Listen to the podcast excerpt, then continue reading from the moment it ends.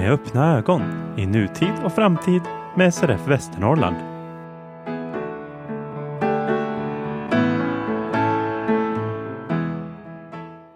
God dag, god dag. Om ni inte känner denna röst så är det Mattias Winsa här. Eh, ni kan nog tyvärr ha hört min röst förr, men jag tänkte hoppa in här lite nu. Jag har nyligen låst ut de andra. Oj, det var hur de bankade ute. Men i alla fall, eh, jag tänkte, ni har ju hört att jag blivit riksordförande så jag tänkte jag kan väl ta för mig lite på andra ställen. Oj, oj, nu, nu, nu blir det låta ute. Så jag tänker vi hoppar direkt till ett inslag snabbt här.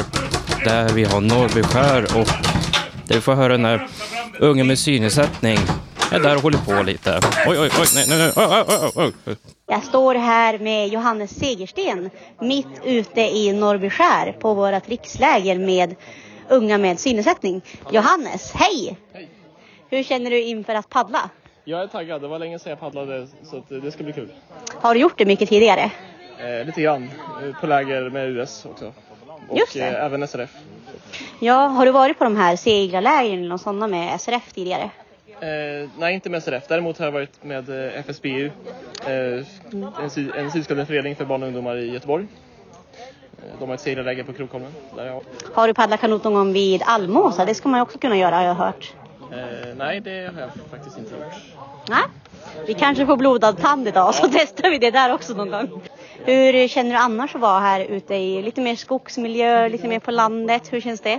Jag känner mig som hemma. Nej, men... Eh, jag gillar att vara ute i naturen. Det, det passar mig väldigt bra. Eh, det är väldigt, väldigt god stämning här. Eh, jag trivs absolut. Eh, Lägret har bara börjat än. Det är lång tid kvar. Vi är egentligen på första dagen kan man säga om man inte räknar med resdagen. Och ni hade väl lite otur när ni skulle resa hit. Vad var det som hände? Eh, tåg hade spårat ur eh, söder om Hudiksvall. Så vårt eh, tåg blev ju försenat med ungefär en halvtimme. Så vi fick åka en omväg helt enkelt. Det var den här berömda stormen Hans va? Ja, precis. Hur tror du det kommer gå att åka tillbaka då om några dagar? Eh, Vi får ju se om, eh, vi, om vi, tåget blir försenat på hemvägen också. Det är stor sannolikhet för det. Vi kommer förmodligen behöva åka en annan väg.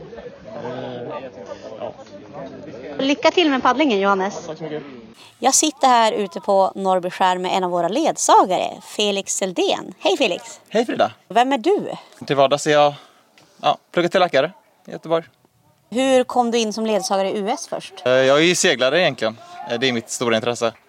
Eh, Så jag, mitt första gig var faktiskt åt seglare med synnedsättning. Som eh, hyrde in sig på den klubben jag jobbar för i Göteborg. Så lärde jag känna Ali Reza och lite annat folk.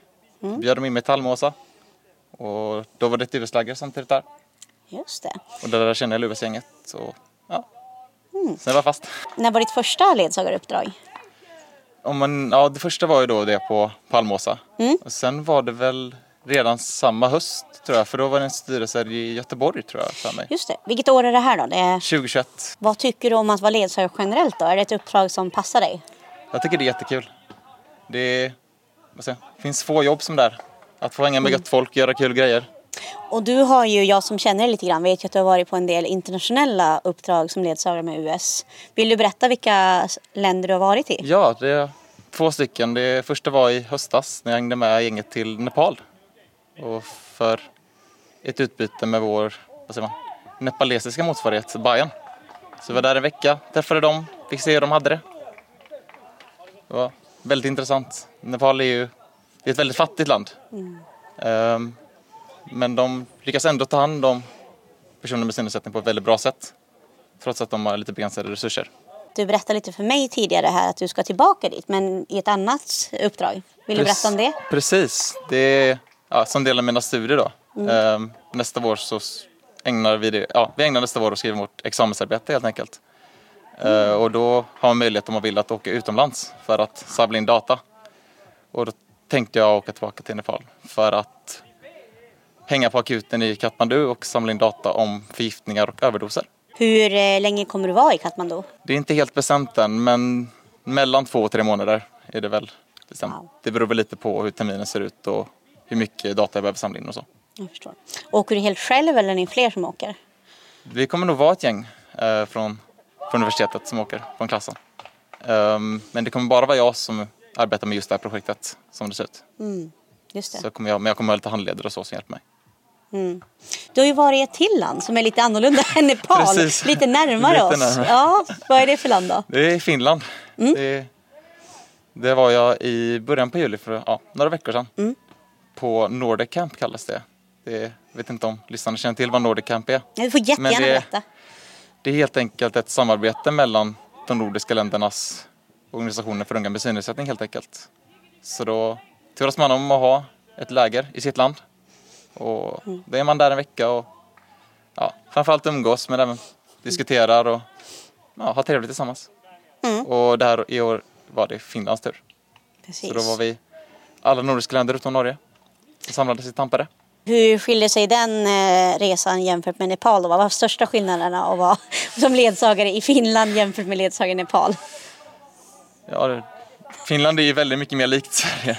Så det, ja, språket kanske man kan säga. Det, Sen pratar jag i och för sig väldigt mycket engelska både i Nepal och i Finland. Men, ja, maten är väl annars ganska, ganska lik i, i Finland och väldigt annorlunda i Nepal. Kan man säga. Ja, verkligen. Det, Nu är vi ju här på Norrby skär. Vad tycker du hittills? Det här är dag, kan, ja, dag två kan man ju säga. ja, det kan Ja. vara Vad tycker precis. du hittills då? Jag trivs jättebra. Ja, det här är ju lite mer vad säger man, vildmarks friluftstema på det här lägret. Och ja, det trivs jag väldigt bra med. Så, Men jag ser fortfarande väldigt mycket fram emot seglingen som är imorgon i och med att jag är seglare. Hur kom du in på segling? Det är väl på pappas sida egentligen. Eh, Seldén är en masttillverkare som- i Göteborg som min farfar startade en gång i tiden. Okej. Ehm, Så att hålla på med båtar och med segling har väl varit i familjen i, ja, generationer helt enkelt. Så när jag, redan när jag var liten så tog mina föräldrar med mig ut och seglade. En liten segelbåt. Och sen när jag var åtta tror jag började jag på seglarskola på egen hand. Wow. Ja. Ja. Tävlade jag lite men sen några år så är det mest fritidssegling och att jobba med det såklart. Mm, just det. Tror du att du alltid kommer att hålla på med segling? I någon form så tror jag det absolut. Det tror jag inte jag kommer kunna släppa. Jag tror inte jag kommer att tävla med det men jag kommer absolut att fritidssegla så länge jag kan. Just det. Jag tänker sen när du är klar som läkare, vad har du för mål med? Vad, vad vill du jobba med? Vill du jobba i Sverige eller Läkare utan gränser med tanke på ditt internationella intresse? Är det något för dig? Ja. Läkare utan gränser låter ju väldigt intressant. Det är ju ett väldigt viktigt arbete de gör.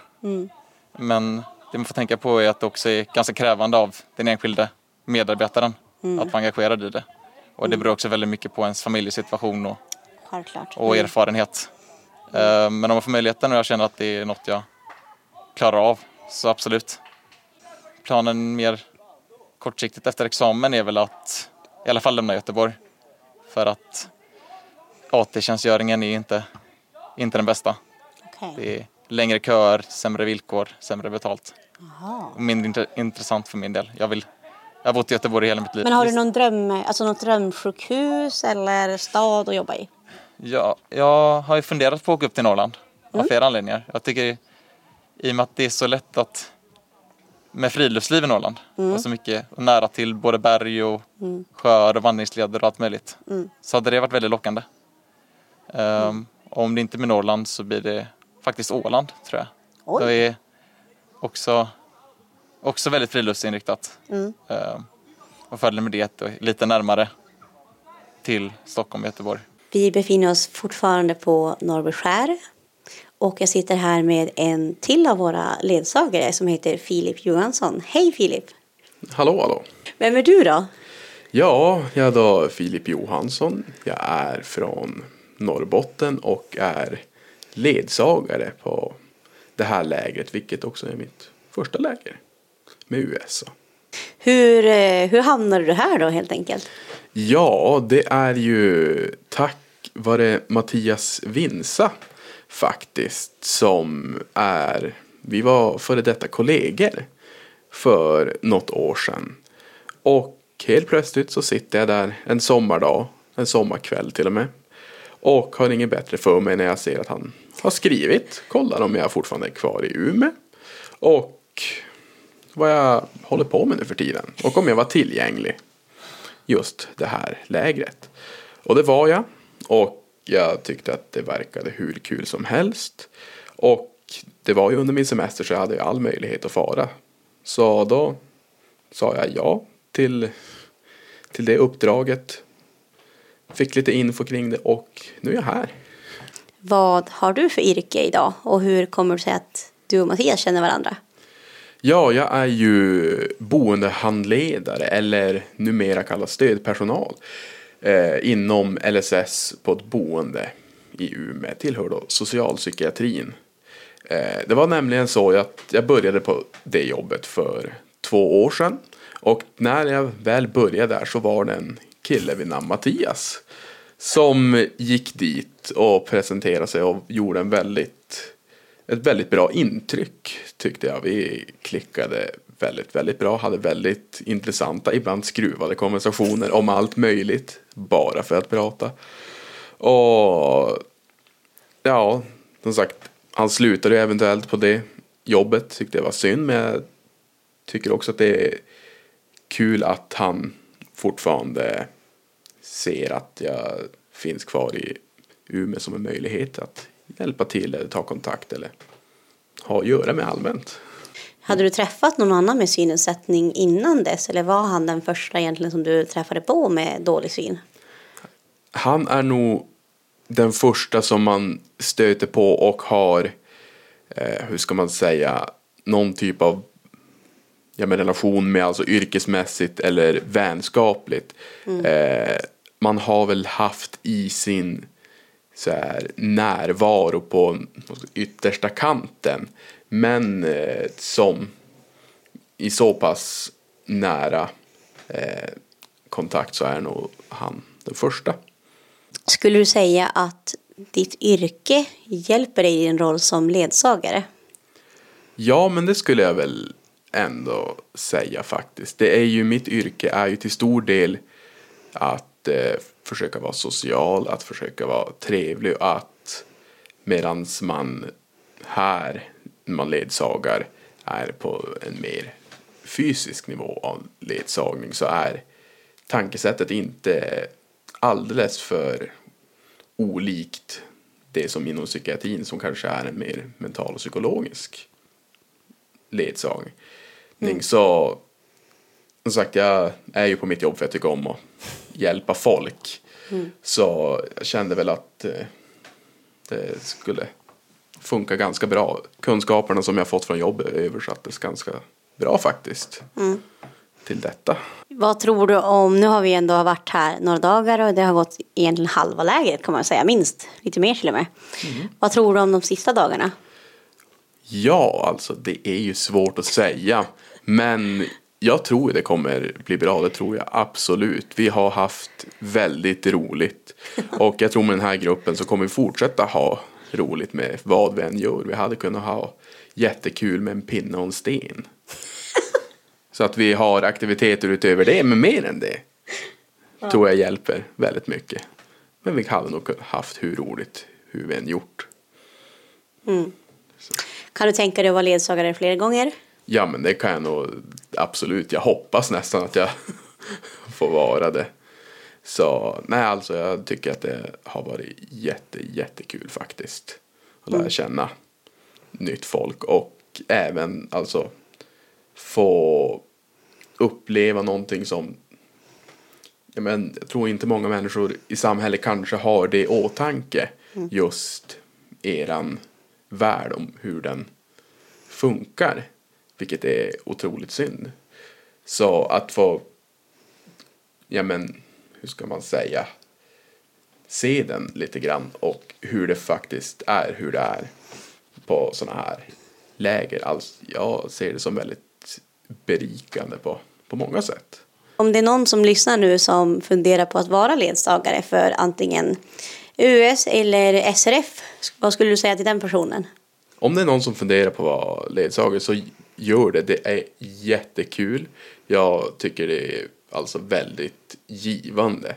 Du får ju hjälpa till men du får ju också ut mycket av det. Och det är, jag kan väl kortfattat säga att det är roligt. Man, det finns tusentals ord att beskriva det men essensen är att det är Det är otroligt roligt och givande. Man träffar jättetrevligt folk som man har väldigt mycket gemensamt med.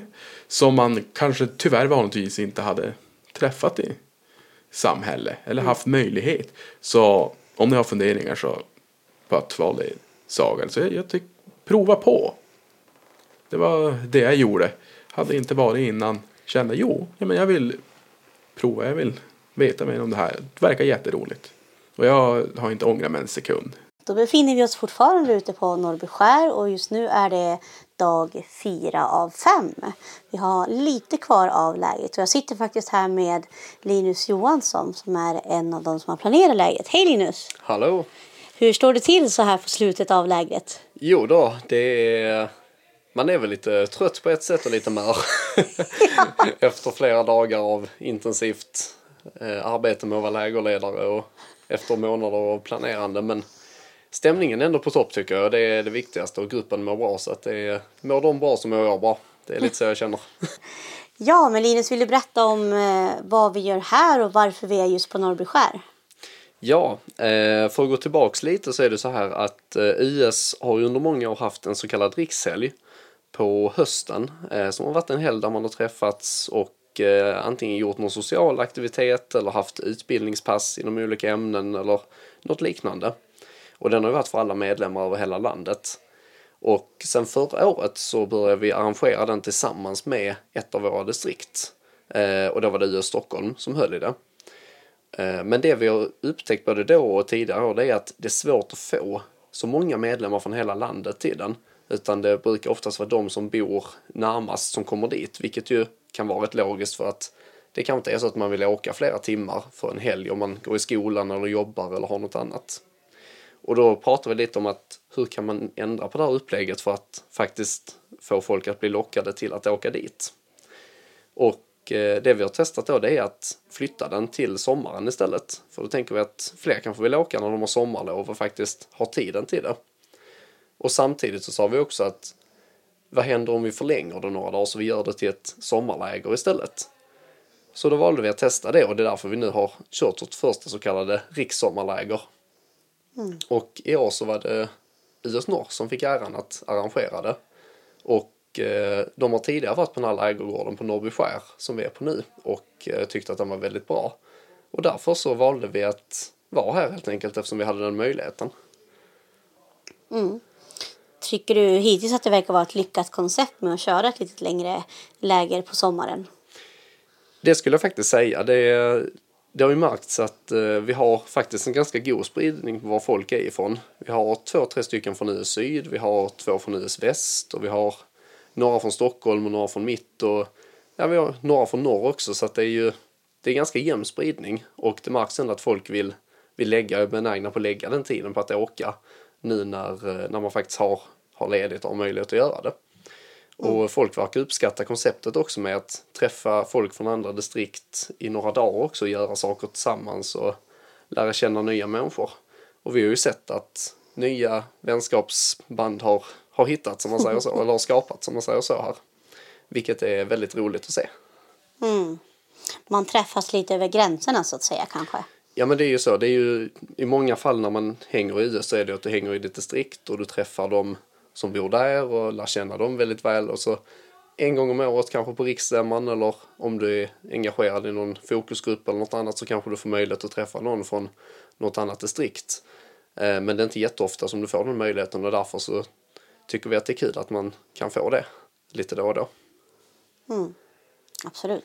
Vill du berätta någonting om vad ni har gjort idag på den här förmiddagen på sista heldagen som vi har ihop? Mm.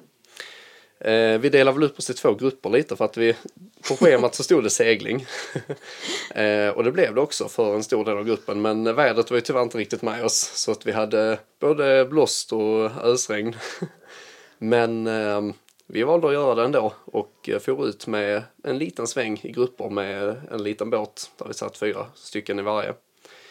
Och eh, det var väldigt gungigt och det lutade väldigt mycket och vi, många av oss trodde nog att vi skulle trilla över bord rätt många gånger där. Men eh, vi klarade oss allihopa och det var faktiskt många som nog testade sina gränser för att både jag själv och många andra är nog kanske, kanske inte vattenrädda men lite så här otrygga i att vad händer om man faktiskt trillar över, över bord eller vad händer, hur känns det att vara på en båt som gungar och lutar väldigt mycket. Eh, och det är faktiskt en erfarenhet rikare för många tror jag att få testa det och få känna att det är inget farligt utan det, det kanske känns lite obehagligt ibland men det är, det är inte farligt. Eh, och att man faktiskt kan eh, hjälpa till väldigt mycket, att man kan segla när man har en synnedsättning också. Eh, Bara man har en ledare med som kan hjälpa till och syntolka lite vad man ska göra när man ska dra i tamparna och allt vad det nu heter. Ja. Eh, sen var det ju ett, ett litet gäng som inte ville segla och då passade det ju bra eftersom kvartsfinal i damernas fotbolls-VM idag och Sverige mötte ju Japan. Så eh, det var en del som satt och tittade på den matchen också. Eh, och sen nu i eftermiddag så har vi lite fri lek här. Vi har ett helt gäng som sitter och spelar kort och några är och vilar på rummet. Och eh, sen ikväll så tänkte vi köra lite avslutning i form av lite quiz och lekar och så vidare. Låter som att det har varit fullt upp med andra ord. Ja men det har det varit. Det har varit eh, vi har haft många aktiviteter ändå faktiskt. Vi körde både lite kanotpaddling en dag och lite lära känna varandra, lekar och ja, det har varit som sagt stämningen verkar ha varit på topp och det har varit bra blandning av både aktiviteter och även mycket fritid också så man inte känt att det har varit stressigt utan man har fått kopplat av och kunnat umgås tillsammans också. Just det. Du, eh, jag vet ju att du var ju med i ett väldigt spännande ordförandeval här nyligen i, i Unga. Vill du säga någonting Stämmer. nu med lite... ja, Det har inte gått så himla lång tid, Nej, men det har ändå precis. gått lite drygt en månad. Ja. Hur känns det för dig nu med framtiden och så? Nej men jag tycker det känns väldigt bra efter det valet faktiskt. Även om jag inte var den som vann men eh, det var roligt att det var så jämnt verkligen och att det, det var verkligen demokrati på hög nivå att må den bästa vinna. och eh, jag tycker jag har haft väldigt bra samarbete med Mattias som är nytillträdd ordförande nu första tiden och blev eh, vald till första vice ordförande här i slutet av förra veckan så det känns roligt. Eh, så att jag tycker det känns väldigt bra. Jag ser, ser verkligen fram emot att jobba tillsammans med Mattias och resten av mitt nya presidium och resten av nya styrelsen också för att kunna fortsätta med vår verksamhet och framförallt fortsätta att driva de frågor som organisationen jobbar med för ett mer jämlikt och bättre samhälle för vår målgrupp helt enkelt. Vad har du för ambitioner i ditt engagemang i US? Vad vill du, vad vill du jobba med den närmsta tiden? Jag vill jobba rätt mycket med påverkansfrågor. Eh, framförallt vad gäller utbildning och eh, fri rörlighet. Eh, exempelvis rätten till, eh, till färdtjänst och eh, ledsagning via LSS. Eh, för det är två saker som vi ju vet är väldigt begränsat eh, för vår målgrupp. Eh, jag själv är just nu inne i en fight för att få färdtjänst eftersom jag blir nekad av Skånetrafiken. Eh, vilket är väldigt frustrerande. Och eh, det har ju kommit en rapport angående ledsagning för personer med synnedsättning att om det är strax över 60 procent inte får det, vilket är väldigt skrämmande. Och eh, vi måste verkligen vara aktiva i att kunna få ner den här siffran och se till att fler får de, de rättigheter vi har för att kunna leva ett, ett liv på samma villkor som, eh, som seende. Nu sitter jag med Gneuko Pav. Vem är du då Gneuko? Vill du berätta någonting om dig själv? Eh, ja, jag är då 18 år. Jag bor i Båstad, vilket ligger i södra Skåne. Eh, men jag är ursprungligen polack. Just nu så pluggar jag på gymnasiet. Jag går musikinriktning ehm, i, på Sturegymnasiet i Halmstad. Eh, vad finns det mer? Jag är blind och även hörselskadad. Eh, vilket de flesta märker väldigt fort. Är din eh, syn och hörselnedsättning medfödd eller är det något du har fått senare i livet? Eh, alltså min synnedsättning, eh, så vitt jag vet, är, beror på att eh, jag föddes för tidigt. Jag föddes i vecka 25 och fick ligga i kuvös i ungefär sex månader efter att jag föddes. Eh, och hörselskadan tror vi eh, är på grund av de två strokesen som jag fick uppleva eh, under det här halvåret när man låg i den här kuvösen.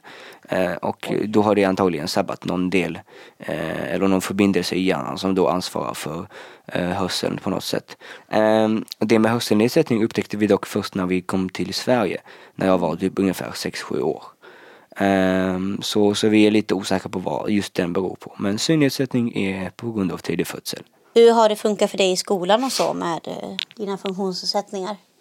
Ehm, Alltså jag tycker väl det har fungerat rätt bra. Ehm, framförallt nu sen eh, sjuan och gymnasiet. Högstadiet och gymnasiet, det har funkat väldigt bra. Eh, låg och mellanstadiet var väl ganska uppförsbacke. Ehm, jag eh, hade ju ehm, resurspedagoger som oftast var eh, lite äldre personer och som då inte riktigt var eh, helt uppdaterade med tekniken så att säga. Ehm, vilket då gjorde att eh, många av hjälpmedlen blev ju lite svår, eh, svåra att eh, hantera så att säga. Eh, och, eh, och låg och mellanstadiet var också en eh, tid som var tuff rent socialt. Eh, för att man hängde ju mest med sina eh, resurspedagoger. Kan man väl säga. Sen från sjuan så fick jag två helt nya. Första killen bland annat, Simon. Han kom med mig i sjuan och har varit eh, sen dess min assistent även nu på gymnasiet. Och eh, då började ju allt gå framåt. Eh, för att både Simon och Helena, som då var den andra eh, resurspedagogen, eh, de var ju väldigt eh, uppdaterade och liksom eh, lärde sig hela liksom hur, hur de skulle, både hur de skulle arbeta med mig och hur de skulle sköta eh, det rent tekniska väldigt snabbt. Eh, så det, det började flytta på riktigt bra. Eh, och socialt också. De utmanade mig lite mer och eh, man kanske inte ska säga tvingade men eh, eh, var lite mer att ja men du ska ut bland dina kompisar och eh, så. Du ska inte vara med oss. Du ska vara med dem. Eh, och jag lämnade skolan som typ legend. Alla visste vem jag var. Eh, alla liksom kände till mig. Eh, Man snackade gött med allt och alla. Man var liksom, ja men typ, typ en kung. kan man väl säga. Eh, Ja. Så, så det minns man väldigt positivt tillbaka på. Särskilt min sista klass, 9C. De var riktigt, riktigt goa. Vad har du för ambition efter gymnasiet då? Har du börjat tänka på det, vad du vill göra? Jag har alltid gillat att hjälpa människor. Eh, bara rent instinktivt. Så jag har, jag har alltid tänkt att jag vill på något sätt kunna sprida eh, min glädje och eh, sprida min behjälplighet till andra. Ehm, och nu som det ser ut så vill jag bli psykolog och det är det jag siktar mot. Så jag tänker mig att efter gymnasiet ska jag försöka komma in på någon psykologiutbildning på universitetet. Och sen så förhoppningsvis kan jag börja med yrket och börja hjälpa andra eh, professionellt. Så att säga. Så det, det är väl tankarna. Hur var det när du kom till Sverige att lära sig svenska språket? Alltså jag kom ju hit väldigt tidigt. Jag var fyra år. Vi kom hit eh, under april 2008. Så att jag fick ju en ganska så eh, lätt start i att lära mig språket. Det var lite kämpigt i början, det minns jag. Eh, man kunde ju polska rätt så bra redan då. Men eh, det hade ju varit mycket svårare om jag hade kommit, låt oss säga när jag till exempel var 10, 12. Så att jag tänker att jag fick ändå en ganska bra uppstart eftersom jag, mm, det finns ju forskning på att till ungefär 12 års ålder så kan man lära sig att prata som en, eh, vad heter det, native speaker. Eh, så att jag hade ju en bra uppstart kan man väl säga. Så ja, svenskan kom väl ganska lätt. Och nu hör man ju att min, min skånska den, den ser jag ju igenom ganska kraftigt. Ja. Här och var. Ja, absolut. Men du, punktskrift då? Fick du börja med det direkt eller Eh, läser du punktskrift för det första? Ja, jag kan läsa punktskrift. Eh, jag fick börja med eh, lite innan jag började förskolan. Eh, och det var ju, ja men ja, det, det kom i takt med att man, eh, man kunde ju lite av språket så att eh, man hade ju liksom någon typ av grund. Och sen så började punktskriften komma in och då lärde ju min mor sig det också.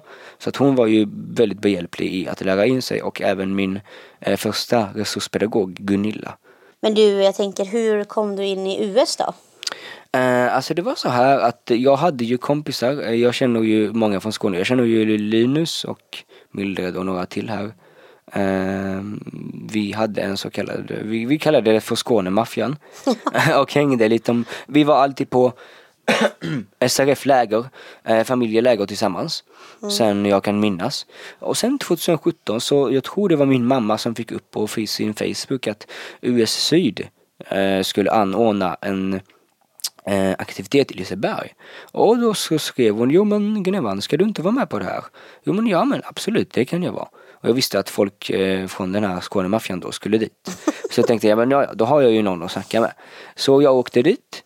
Eh, och eh, sen dess har jag varit med. Vad skulle du säga i och med att vi båda faktiskt då kallas, kallas lite, eller vi ingår i dövblind-kategorin i och med att vi båda Ja. har problem med hörsel och syn. Ja. Vad skulle du säga är det mest utmanande med att ha problem med båda sinnena? Alltså jag tror det mest utmanande är nog att eh, mm, både lokalisation och att liksom föra mm, samtal med folk. Tror jag är det svåraste. För att eh, personer som inte ser eller som har liksom någon typ av eh, synskada, de använder ju hörseln som sitt främsta verktyg. Och den möjligheten har ju inte riktigt du och jag fullt ut som alla andra. Och det gör ju att eh, är det liksom bullrigt så missar vi ju info. Eller så hör vi inte den vi pratar med. Vilket gör att vi måste liksom komma rätt nära dem. Jag i alla fall känner att jag, jag kommer folk ibland, jag kommer väldigt nära folk ibland. Vilket kan vara rätt, jag kan förstå att det kan vara väldigt ganska jobbigt för vissa. För att man måste typ stå ibland kortare än en armlängd ifrån för att höra dem ordentligt. Särskilt om de pratar tyst. Vilket en del gör. Vad har du tyckt hittills om lägret då? Jag har tyckt att det var väldigt roligt. Eh, Vi har ju både paddlat kanot och eh, haft väldigt mycket tid för socialt umgänge och jag är ju väldigt extravert och väldigt social av mig. Man har fått eh, lära känna några nya. Eh, Bland annat dig. Jag har ju inte träffat dig typ en gång innan på Riksstämman. Så att bland annat dig har man ju lärt känna en aning bättre. Eh, Så jag tyckte att det var väldigt roligt. Jag är taggad nu för kommande aktiviteter här ikväll. Eh, Och ja, jag har tyckt att det var ett väldigt härligt läger och väldigt kul att eh, få lära känna så många nya och eh, få snackat med folk som man inte har sett på ett tag. För det har man ju inte gjort med, med några stycken som är gamla, gamla polare så att säga. Ja, nu befinner vi oss på bussen från vårt kära läger på Norrbyskär. Och jag sitter här med en av våra deltagare, Sofie Fredriksson. Hej Sofie! Hej. Hur mår du idag? Är du trött? Jag är väldigt trött men jag har haft väldigt roligt så ja, det, det, det känns bra ändå. Härligt! Ja, har det varit ett typiskt US-läger skulle du kunna säga eller? Eh, ja men det skulle jag säga. Vi har gjort lite aktiviteter och vi har haft roligt och umgåtts tillsammans på kvällarna. Så det skulle jag säga. Härligt! Det är ju ett lite nytt koncept det här med riksläger. Vad tycker du om det konceptet att vi har samlats från hela landet? Jag tycker det är jättebra att vi samlas från hela landet, att alla kan få träffas eh, ja, från olika städer eh, än att bara träffa dem man bor nära i distriktet. Så jag tycker det är en jättebra idé. Mm. Jag råkar ju veta att du har varit medlem ganska länge i US. Skulle du vilja berätta någonting? Vad betyder föreningen för dig? Eh, US, ja, jag har varit med länge och US betyder eh, mycket för mig. Eh, ja, men alltså man eh, lär känna fantastiska människor som vet hur det är att leva med en synnedsättning. Och man kan stötta varandra i olika situationer. Och eh, ja, hjälpa varandra och alltså, prata om både allvarliga och roliga saker. Eh, och verkligen stötta och hjälpa varandra. Liksom, man får väldigt bra vänner. Eh, och gå härliga samtal med varandra när man träffas men också kan man ha bra kontakt även när man inte träffas. Mm. Eh, ja, Ja, det var väl en jättefin beskrivning. Eh, var det så att i början var du liksom mindre aktiv eller har du varit en aktiv medlem hela tiden? Och du kan ju berätta hur länge du har varit medlem också. jag har varit medlem sedan 2008 eh, och eh, nej jag har inte varit aktiv medlem utan jag har eh, varit mer aktiv de senaste, ja, de senaste åren. Eh, då, ja, det blev en kompis som drog med mig på aktiviteter och sen fastnade jag i US helt enkelt. Det är ju så också att du sitter i eh, riksstyrelsen. Ska det bli spännande att komma igång snart med nya styrelseåret här? Ja men det ska bli jätteroligt att eh, fortsätta i riksstyrelsen och med en ny spännande styrelse och med ny ordförandeskap också. Eh, Det kommer att bli väldigt kul. Mm. Vad tycker om att vi har flyttat, och jag säger vi för jag var ju med i flytten där, eh, flyttat in till SRF? Känns det bra? Ja men det tror jag kommer bli jättebra. Eh, I och med att vi redan samarbetar mycket så kan vi samarbeta ännu mer eh, framöver. Ja. På tal om SRF då, visst är det så att du har haft lite med SRF Jönköping att göra där du bor? Ja, jag är med med som medlem eh, och träffar alla olika åldrar eh, och umgås på spelkvällar eller på årsmöten eller på, ja det kan vara lite eh, utflykter så. Just det. Men vad roligt. Men du, tack så mycket Sofia och så får ni ha en jättetrevlig hemresa med nattåg och så får vi hoppas att det inte blir så mycket förseningar helt enkelt. Ja, tack så mycket. Ja, nu när vi har återtagit studion så kanske vi kan gå tillbaka till den planerade dagordningen för avsnittet. Norrby skär har ni redan fått höra. Det var Unga med synnedsättnings riksläger som gick av stapeln från den 8 till den 12 augusti. I övrigt i det här avsnittet ska ni få höra hur det gick till när distriktet SRF Västernorrland stod på Selånge marknad för att informera och försöka värva en annan medlem. Eh, därefter ska vi också besöka SRF Västernorrlands kickoff.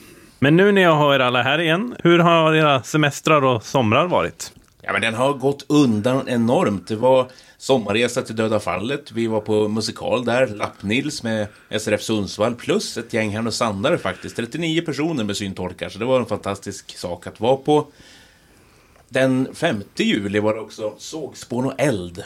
Teaterpjäsen som baserar sig på författaren Vibeke Olssons tredje och fjärde bok i serien om Bricken på Svartvik. Det plus den här sommarresan till Almåsa som ni hörde om i förra avsnittet gjorde att sommaren gick väldigt rappt och snabbt. Jag bollar vidare till Mattias. Nej, men jag trodde jag skulle ha en hyfsat lugn sommar, så råkade jag ta på mig en uh, ganska stor sommarkurs på universitetet, för jag kände att det kan vara bra att få in lite pengar under sommaren. Så det vart väl plugga när det var 25 plus ute, så det kändes väl si där. Sen så var vi på Norrby där, där vi ja, men, fick mysa där lite grann. Du, Mattias, ingår det här med kanoten i begreppet mysa? Mm, det blev blött i alla fall. Kan du berätta vad som hände? Du berättade så roligt på tåget häromdagen. Oj. Uh, nej, men uh, i en sympatisk anda så tänkte vi att uh, vi finns för varann. Och vi fick, råk, det råkade bli att de tre tyngre grabbarna råkade sätta sig i den här. Så att vi råkar vara tre grabbar på 350 kilo tillsammans som börjar åka ut.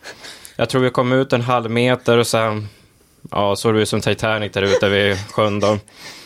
Så ja, det blev inte så mycket till åkaren för mig där i början. Jag fick vänta ganska länge.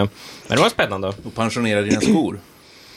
ja, jag köpte nya skor idag så ja, jag sörjer om mina gamla Hoka. Alltså Mattias, för våra lyssnare så måste jag ju få berätta någonting här. Att du har ju en tradition av att alltid när du sätter dig i en kanot eller en båt så lyckas du sänka dem. Jag vet inte, kan du förklara hur det här alltid kan hända dig? Kan vara min längd plus vikt. Jag vet inte. Eller också du spelat sänka skepp som barn. Jag tror det. Jag tror något år innan så råkade jag sjunka med en eh, vad heter det, Kristoffer? Singeljolle? Eller Optimistjolle. Optimistjolle. Optimistjolle, det vet jag min gamla arbetsledare som ni hade shorts i april. Nej, men eh, sen efter Norrbyskär så fick jag åka på ett litet äventyr med Peter. Det var jag tänkt att Fia skulle med. Hon hade bokat massa saker och var den som hade alla handlingar hur vi ska åka. Sen blev hon sjuk och då då fick jag och Peter överleva en resa där vi åkte buss själv till Gävle. Men vi hade damer längs resan som räddade oss. Alltså, var... Nu tycker jag vi ska ta det kronologiskt. På stationen i Sundsvall så visste vi inte om vi skulle åka tåg eller buss och det gick då att prata med en städare som inte riktigt var kontaktbar. Men en sliten man från det glada A-laget satt på en bänk där och han tyckte att det var synd om grabbarna så han ryckte in och sa att ni ska gå ner för trappan grabbar. Och så gjorde vi det för rulltrappan och så hittade vi en till man som visade oss där vi skulle gå ut och då var det bussersättning. Vilket inte stod på våra biljetter. När vi hade åkt till Hudik så kom nya biljetter med bussinformation. I Gävle lyckades vi ta rygg på två damer som var lite oroliga när vi skulle springa i trappor, men vi följde efter dem till tåget och det gick alldeles ypperligt. Och frukost åt vi sen också för den delen. Så det var resan dit. Sen fick du hitta på på Stockholm central, tunnelbanan och bort i Enskede där Rikskansliet både för SRF och Unga med synnedsättning numera ligger. Jag måste ju säga att det är så roligt det här när man är den här ständiga resebokan och reseledaren och så blir man sjuk och så märker man ojsan, det här blir spännande att se hur de klarar sig nu. Gick alldeles jag... utmärkt det. Ja, ja, och jo då. Jag fick bara hand... jag fick vara, vad ska man säga? Um, guide på håll och säga ni har den här platsen i det tåget, den tiden, stå där, gör det. Annars gick det bra. Sen var ju ledsagningen lagd på dig Frida. Ja, jag vet. Och jag letade överallt. När vi kom hem till Sundsvall igår var jag så ledsen. De skrev Kalander, Kalander sa ja det är jag, nu går vi. Hur har din sommar för övrigt varit Frida? Ja, herregud. Nej, men eh, jo, den har varit väldigt bra måste jag säga. Jag är sån här som oavsett vädret, och jag tycker fortfarande det är så roligt med svenskar som blir så förvånade över att vädret inte alltid är så bra. Man bara, ja, vad trodde du? Vi lever i Sverige, det svänger som fan eh, åt alla håll med vädret. Det är så det är varje år. Så samma sak när snön kommer. Folk bara, oj, snöar i det här landet. Ja, men alltså gud ja, det gör det. Nej, men... Eh, Först var det ju riksstämman i Växjö som vi laddade upp sommaren med. Eh, det var en jävla urladdning när man både var, hade avslutningstacktal för sina fyra år som ordförande där och hjälpte planeringsgruppen. Och jag, jag sa att jag hann aldrig gå två meter innan de sa mitt namn, att de behövde något eller ville fråga något. Så det var, det var väldigt intensivt och lite sömn som det brukar vara på de här äh, aktiviteterna. Så efter det var det ganska skönt att komma hem till Sundsvall, landa lite grann, åka på den här teaterresan som är tidigare nämnd här. Sen faktiskt få upp till Norrbotten och bara känna lugnet och vara i lugnet. Jag behövde det och jag behöver det alltid varje sommar. Det är väldigt skönt att komma dit för att det är ju slags avslappning för mig. Jag är ju uppvuxen där så jag har inget problem med att det är tyst och lugnt. Eh, det är ju liksom motsatsen till vad jag har i mitt liv i övrigt så att det är väldigt skönt att vara i det ibland. Eh, ja, och sen har jag varit lite till Stockholm, eh, till Åland för första gången i mitt liv. Det var väldigt intressant. Eh, jag tänker vi kan, jag vill gärna tipsa om dels ABBA-museet. Och varför det tycker jag passar oss som ser dåligt är för att det är väldigt mycket som utgår från ljud. Det är mycket som du kan lyssna på på det här museet till, ja men till skillnad från vissa andra museer där det är ganska mycket visuellt. Och där du har mycket glädje av att eh, gå runt med din syn och ta del av saker. Men på ABBA-museet så är det nästan tvärtom. Alltså det är Eh, väldigt mycket som är ljudbaserat. Eh, så det kan jag varmt rekommendera. Man kunde till och med ta med sig en sån här gullig typ eh, picknickpall eller vad man ska kalla det. Campingpall. Eh, för de som har svårt att stå länge. Så den bar jag runt på eftersom att jag har problem med mina leder. Så använder jag den ibland för att avlasta kroppen. För det är ganska stora ytor där. Så det är väl något man ska tänka på att det kan vara ganska stort om man vill nyttja hela museet. Men det är väldigt trevligt så jag kan varmt, varmt, varmt rekommendera det. Sen var vi på Skansen. Jag har inte varit på Skansen sedan jag var kanske sju år. Så det var väldigt roligt att vara där nu. Eh, när jag var liten berättade mina föräldrar att det fanns inte en sån här rulltrappa som du kunde åka upp för det här berget. För Skansen är ju väldigt kuperat område. Stockholm kan man tycka är ganska platt men just Djurgården och där vid Skansen så är det kuperat. Eh, och det var ett helsike sa mina föräldrar när vi var små. och gå upp på den här enormt höga, långa backen. Men nu kan man alltså åka rulltrappa. Så tack och lov går ju utvecklingen framåt. Eh, och på Skansen så kunde man låna en rullstol som besökare. Eh, där kan man väl eh, tycka att de kanske borde ha lite fler i lager och kanske lite mer uppdaterade. De var lite Ranglig, Jag tänkte om jag överlever hela dagen och den här inte tappar hjulen så är det bra. Eh, det gick bra. Eh, synmässigt skulle jag väl säga att där till skillnad från ABBA-museet är det väldigt mycket visuellt när du ska se de olika djuren och de sakerna. Men vi var ju faktiskt inte där för djurens skull. Vi var där, som jag nämnde i tidigare podd, för att överraska min mor som fyllde 60 i sommar. Eh, så vi gick på Allsång på Skansen live för första gången, hela familjen. Eh, och där är det ju liksom, ja, det är musik som sagt. så att det, det, där behöver du inte se, eh, skulle jag säga, så mycket. Eh, så det kan jag också varmt rekommendera. Väldigt trevlig plats eh, för både yngre och äldre. Kristoffers ja, sommar. Ja, ja. Mm. Ja, jag har inte gjort så mycket i sommar faktiskt. Jag var på, med på, det här, jag var på riksstämman för unga med synnedsättning, min sista riksstämma med rösträtt. Sen eh, var jag, eh, sen tog jag det mest lugnt i några veckor. Jag var på den här teaterresan med SRF, var på unga med synnedsättningsläger i Norrbyskär. Eh, men annars har jag mest eh, tagit det lugnt. Stormen Hans förstörde mitt utetält i sommarstugan så jag var tvungen att köpa ett nytt och bygga det. Det var ju en hel pers i sig. Men jag har haft en ganska lugn, lugn sommar faktiskt. Ni som var på Norrbyskär, vad ansåg ni om aktiviteten? Det var en vacker gemenskap. Vi fanns där för varandra. Vi åt mycket husmanskost där och ja, ibland blev man lite blöt av att man inte var i en bastu eller när man råkar ramla ner från en kanot eller segla i storm. Men, eh, men jag tyckte det var ett riktigt bra läger. Du och jag Mattias har ju varit tidigare på Norrbyskär tillsammans med eh, det norra distriktet i US för fyra år sedan, 2019. Eh, så vi kände ju till platsen och jag är med och hjälpte till att planera också i och med att det är ganska det underlättar ganska mycket när man har en kännedom om platsen man planerar för. Eh, och jag älskar ju Norrbyskär. Det var dock mer mygg den här gången än vad det var 2019. Och tack vare mitt blod eller mina mediciner, gud vet vad, eller kanske inte ens han. Men de trivs ju väldigt mycket och hoppar på mig. Så att eh, efterföljden var ju inte så trevlig att jag hade så sjukt mycket myggbett när vi kom därifrån. Men jag älskar det där med att man tar sig ut på en ö. Man är liksom lite avsides men ändå väldigt nära in till Umeå. Det är bara att ta färjan liksom en kvart och bussen en liten bit. Um, så att när jag, jag älskar stället, det är en rolig gård, det är som att det finns så mycket att göra. Allt från att paddla till att segla, eh, till att bada bastu, badtunna, eh, sådana saker. Jag, jag tyckte det var ett riktigt trevligt läger med en väldigt rolig grupp helt enkelt. Du själv då, Kristoffer? Det var ett bra läger och jag tycker att eh, gruppen hade för det mesta en relativt bra gemenskap och så. Eh, och jag tycker att det visar på en ganska viktig poäng och det är att eh, US i framtiden också kommer behöva rikstäckande medlemsaktivitet. Jag har också förstått att US under det kommande året ska få en bok producerad. Har ni något mer att säga om det, ni som är delaktiga i det här projektet? Jo, nej, men precis. Det var väl en idé som kom fram där vid styrelsebordet av att eh, ja, men de flesta saker man oftast brukar benämna när det gäller ändå kring organisationen är ofta saker som har nämnts i boken tidigare, alltså den som är från 75 till 95. Och det är ändå ganska länge sedan, det var 95 så det har ändå hänt en del saker sedan dess. Vad vi får hoppas eller vi får se vad nog vår eh, skribent kommer fram, eller finner där. Men i alla fall att det kan vara bra som en identitetsskapare för oss medlemmar. Det kan vara kanske en fin grej, förhoppningsvis för många avdankade medlemmar som kan se tillbaka, oj, det här minns jag tillbaka. Eller, eh, jag menar alltså, det kan vara en bra sätt att bara få se, vad har egentligen vår organisation gjort? Jag tror inte så många vet det. Så vi tog fram det och sökte runt där och då fick vi fram ja, tjommen här och Peter. Så jag vet inte Peter, vad, vad har du för tankar hittills där du varit med?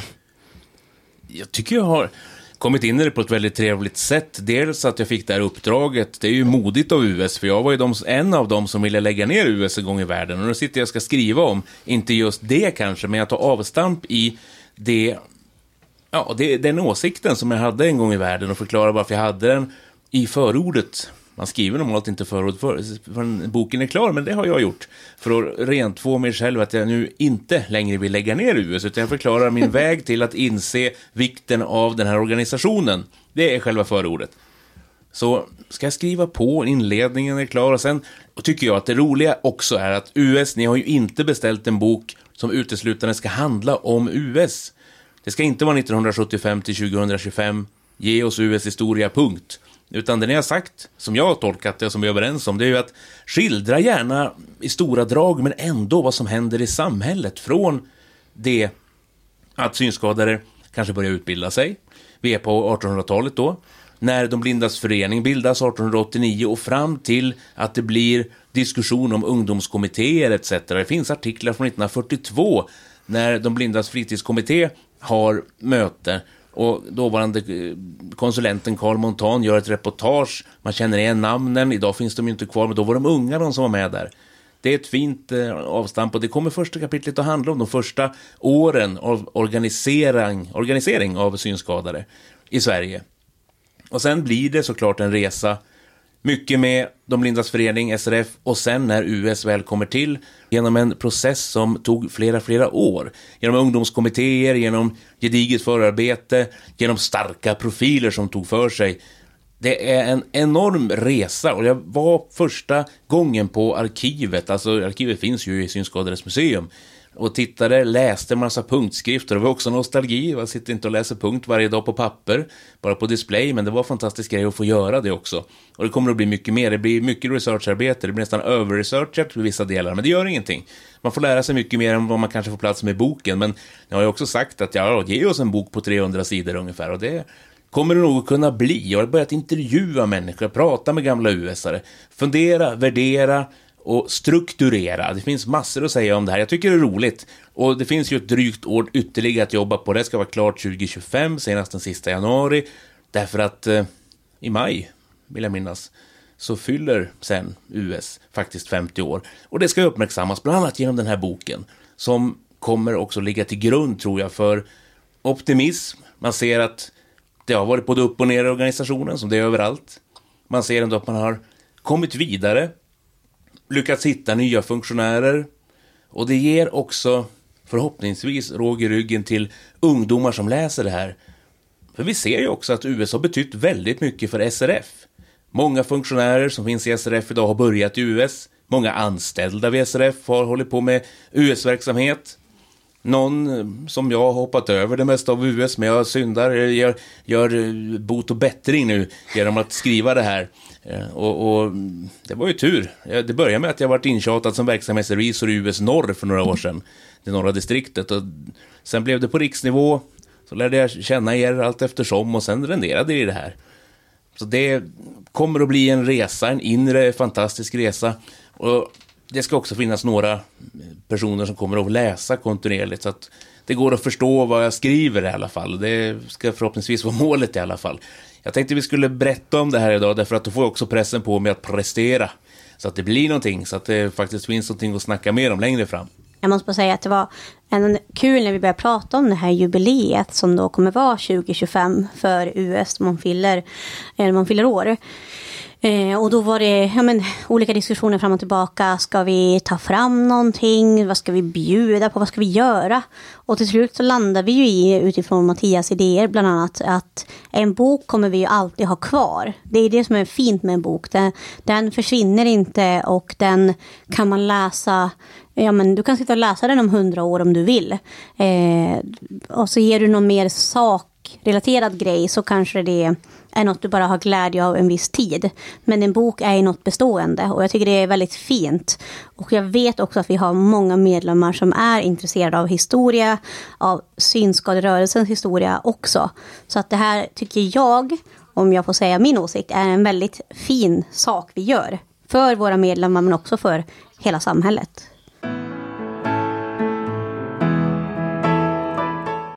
Den 18 till 20 augusti stod SRF Västernorrland på Selånger marknad. Ni som har varit med tidigare och stått på några andra mässor, jag vet inte, framförallt Peter i det här fallet. Eh, tycker du att, hur var det här och hur skiljer det sig från när distriktet har gjort sånt här tidigare? Det var en väldigt trevlig upplevelse. Jag var bara där på lördagen, men jag ångrade mig och förbannade hela söndagen att jag inte var där. Nästa år vill jag vara där alla tre dagar. Jag kan ju för sig ha färgats lite av att det var jättebra väder den här gången, så det här gör jag gärna om.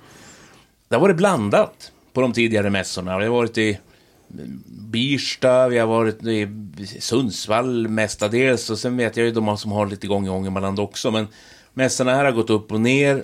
Det har varit svårt ibland att få uppmärksamhet. Men jag tycker på Selånger att det gick förbi väldigt många. Vi hade ju en energisk general i form av Roger Johansson i Matfors som står utanför bordet, fångar in folk, drar in dem mer eller mindre och pratar, inte sönder dem, men med dem väldigt länge. Man behöver sådana personer som faktiskt också ser när det är någon som är på väg förbi. Så mixen tror jag är jätteviktig. Att man har visserligen några helt blinda, men också några synsvaga. För att eh, som helt blind är man ganska, jag känner mig ganska värdelös. Att sitta på en stol där och inte ha koll på vilka som kommer och går. Eh, om de inte börjar att prata, men meningen är ju att man ska agera. Så att ihop så gör vi det jättebra. Ihop fick vi till det på ett väldigt bra sätt och jag tycker det här vill jag göra om. Och jag har inte alltid känt så efter de andra mässorna, men här känner jag så. Jag har väl varit eh, typ på mässor eller marknader, fast då var det, jag har ju varit politiskt aktiv då, eh, i andra sammanhang då. Och nej, men jag tyckte ändå att det var fint att man fick prata ur våra sakfrågor där och ja, men jag blev nog lite paff när det var faktiskt ganska många som kom förbi där och tittade. Och att man, man hörde ofta när folk mömlade förbi, oj, Synskadades riksförbund och sitter vidare. Så, så att det, det kändes som att syftet för mig när vi ändå var på marknaden att SRF skulle synas mer och att på något sätt att eh, folk kanske kommer ihåg oss. Eller, alltså de, för att, det var ju som innan jag tappade synen, alltså jag hade ju aldrig sett någon alltså blind eller synskadad innan. Alltså, jag trodde sånt bara fanns på film. Och nu, nu råkar vi finnas på en marknad och ja, alltså jag, jag tror det kan vara bra att visa att vi finns här i samhället. Och det tyckte jag ändå vill, i alla fall den dagen typ där du och jag var, Kristoffer, på söndagen, tror som att vi lyckades med det.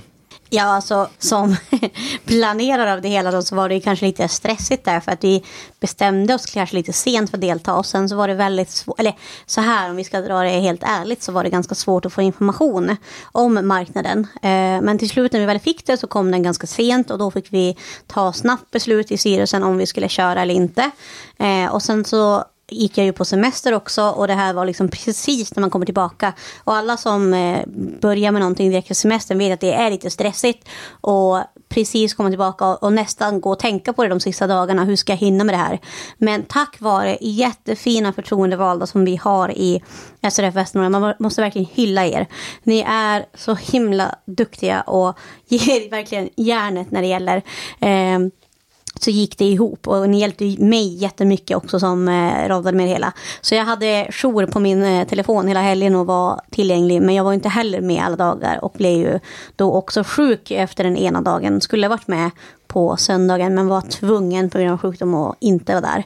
Eh, och det, jag sörjer också det så att eh, Peter nästa år då jävlar och tar vi revansch. Och nu ska vi få en kort ljudbild från marknaden.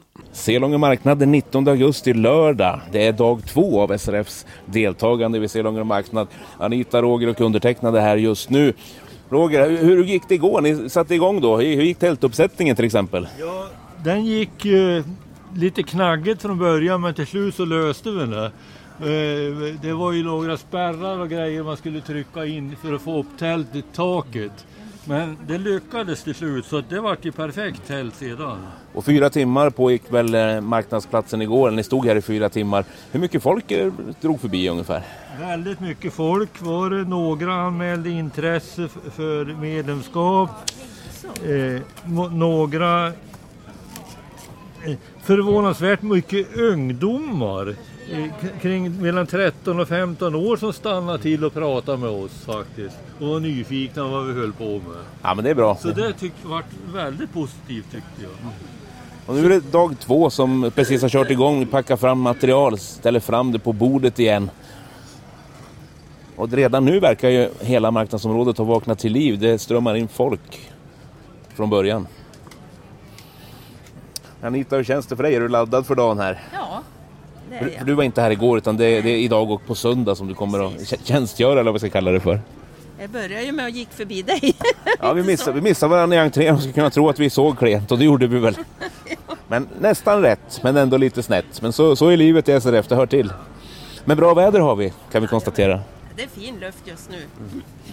Och imorgon så ska ni också gå och äta frukost, knallefrukosten här tillsammans med de andra som säljer saker och kanske ställer ut saker här. Det, är också en, det verkar vara en, en gemenskap här som är väldigt fin.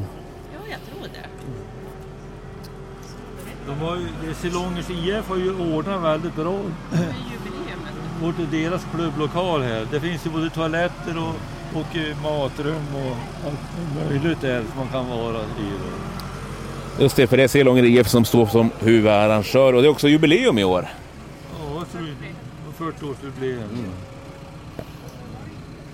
Nu står jag och håller på och ska försöka sätta upp en SRF-logga här på, på tältet med, med dubbelhäftande tejp. Det är alltså ett partytält vi har här. Hur, hur ser det ut och hur stort är det? Det är tre gånger tre meter och det är 100% vattentätt och det är så kallade pop-up-tält.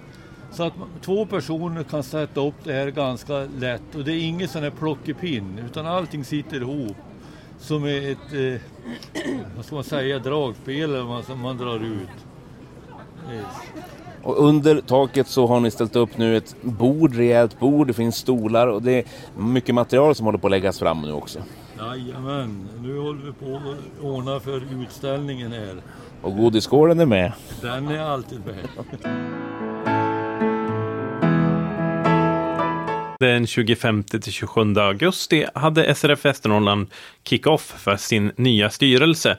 Något senare än vad man förväntar sig att man har kick-off för en styrelse som väljs i april. Men det är då vi hade tid att ha en. Och här får ni en kort inblick från den. Torit Blomqvist, du är den nyaste i styrelsen för SRF Västernorrland, kom in i april och har nu varit med om din första kick-off. Hur är känslan efteråt? Jag är positivt överraskad så att säga då av sättet att föra dialoger som vi har haft under de här dagarna. Då då. Och eh, jag har fått mycket basinformation när det gäller organisationen, så det har varit bra. Bra, hur länge har du varit med SRF nu? Ja, jag måste ha varit med... Ja, jag undrar om inte jag har varit med närmare tio år. Hur kom det sig att du gick med? Vilka är de viktigaste frågorna tycker du som vi ska jobba med? Nej, Jag har ju jobbat mycket med handikappgrupper så att säga, så därför jag anmälde mig till SRF det var ju då att jag tappade synen på ett öga. Och jag vet ju att, att eh, förbund som har man säger då, intresseområden inom begränsningssfären då, då är viktiga att vara med i. Och du tog steget också och kandiderade till styrelsen och kom in så att det är bara att säga välkommen och vi kommer att höra mer av dig hoppas jag i podden framöver. Ja, jag hoppas att jag kan delge någonting så att säga. Jag är ju intresserad av den här typen av frågor så att säga. Inte, inte ämnesinnehållet utan struktur.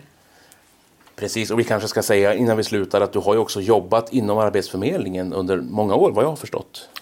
Jag har jobbat eh, i drygt 30 år på Arbetsförmedlingen och en av mina huvuduppgifter initialt så att säga har ju varit då att stödja handikappade människor.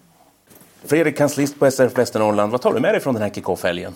Eh, Det är alltid trevligt att träffas så här och liksom sparka igång verksamheten och speciellt nu när vi har fått eh, en ny styrelseledamot så är det så bra om man får träffas och känna på varandra och stötas och blötas under en hel helg här. Och, eh, jag tycker det är jättebra det här att vi kommer ut så här och, och får umgås och både, så att säga, både umgås och jobba så.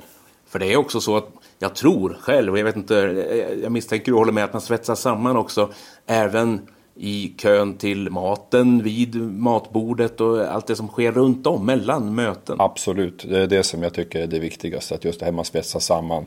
Man lär känna varandra, man lär känna varandras sidor och eh, jag tycker det här, är, det här är något som man ska fortsätta med, absolut. Vad är det som händer framöver? Vi kör igång med data iPhone-kurs igen den 20 till 22 oktober, Härnösands folkhögskola. Kostnad 500 kronor. Då handlar det alltså om att förkovra sig ytterligare. Man ska inte vara nybörjare för då finns det andra kurser. Packa upp din iPhone heter de. Och de kan man få mer information om om man går in på hfs.se eller ringer dem på det telefonnummer som jag för närvarande har glömt. Men det kan man också hitta där eller fråga sig fram. Eh, hur som, den här kursen riktar sig till personer som har en grundkunskap och som vill utveckla sig i dels skärmläsningsprogram, vi pratar data, och också i många fall med sin iPhone. Som, det finns massor att lära sig, det märker jag. Jag har gått alla kurser och jag tycker bara jag blir dummare. Fast det, jag, jag blir egentligen kanske klokare, men jag märker att det finns mer och mer att lära sig då. Och jag korrigerar mig på den punkten. Var inte så Och- hård mot dig själv. Nej, jag är inte hård. Jag är bara sarkastisk. Och det kan liksom ingen annan komma och säga att det där borde du ha lärt dig. Nej, men den kursen kostar 500 kronor. Anmälan så fort som möjligt. Det finns åtta platser och vi har den nästan fulltecknad. Men hör av er så fort ni hör det här. Är det så att ni inte får plats nu så ska ni inte bryta ihop utan det gäller att komma igen och det kan ni göra nästa år. För det kommer fler kurser, det törs jag lova, även om planeringen inte har satt igång för nästa år. Men jag tror att vi är ganska eniga om att det här ska vi fortsätta med. Om de orkar, Kristoffer Thelin och David Renström som leder de här kurserna och får svara på alla frågor tusen gånger åtminstone brukar jag ställa om mina. Ibland får jag olika svar också, det är roligt. Nej, men jag tror att det här är viktigt för, för oss att fortsätta med i distrikt Västernorrland. Och det kommer vi att göra. Vi måste lära varandra och lära oss av de som kan mer helt enkelt. Reseersättning utgår via SPSM, man får hjälp med det på skolan. Och förlorad arbetsförtjänst kan även man få pengar för, för det är ju en fredag bland annat det här. Det är också via SPSM. Det där kan vi prata mer om när ni anmäler er. Anmäl er till undertecknad Peter Tjernberg på telefon 070-860 40 32 eller via e-post fasternorrland srf.nu. Just under den här kursen kommer även US Norr att ha eh, möjlighet att ha medlemmar närvarande under Västernorrlands kurs. Detta eftersom vi samkör eh, kursen tillsammans med US Norr som önskar att testa på att ha teknikkurser. Nu kan vi konstatera att vi är klar med septemberavsnittet. Det var lite okonventionellt i början. Vi fick ta oss in i vår egen studio. US kan vara lite reaktionära ibland. Eh, men om ni eh, har synpunkter på det här eller något annat avsnitt eller har några idéer om vad ni vill höra i våran podd så tveka inte att höra av er till oss eh, via mail. Bastunorrland srf.nu eller ringa till ombudsman Frida Kalander på telefon 076 539 9225. på återhörande i oktober. Gillar ni oss? Tala om det för era vänner. Gillar ni inte era vänner? Tala om det för oss.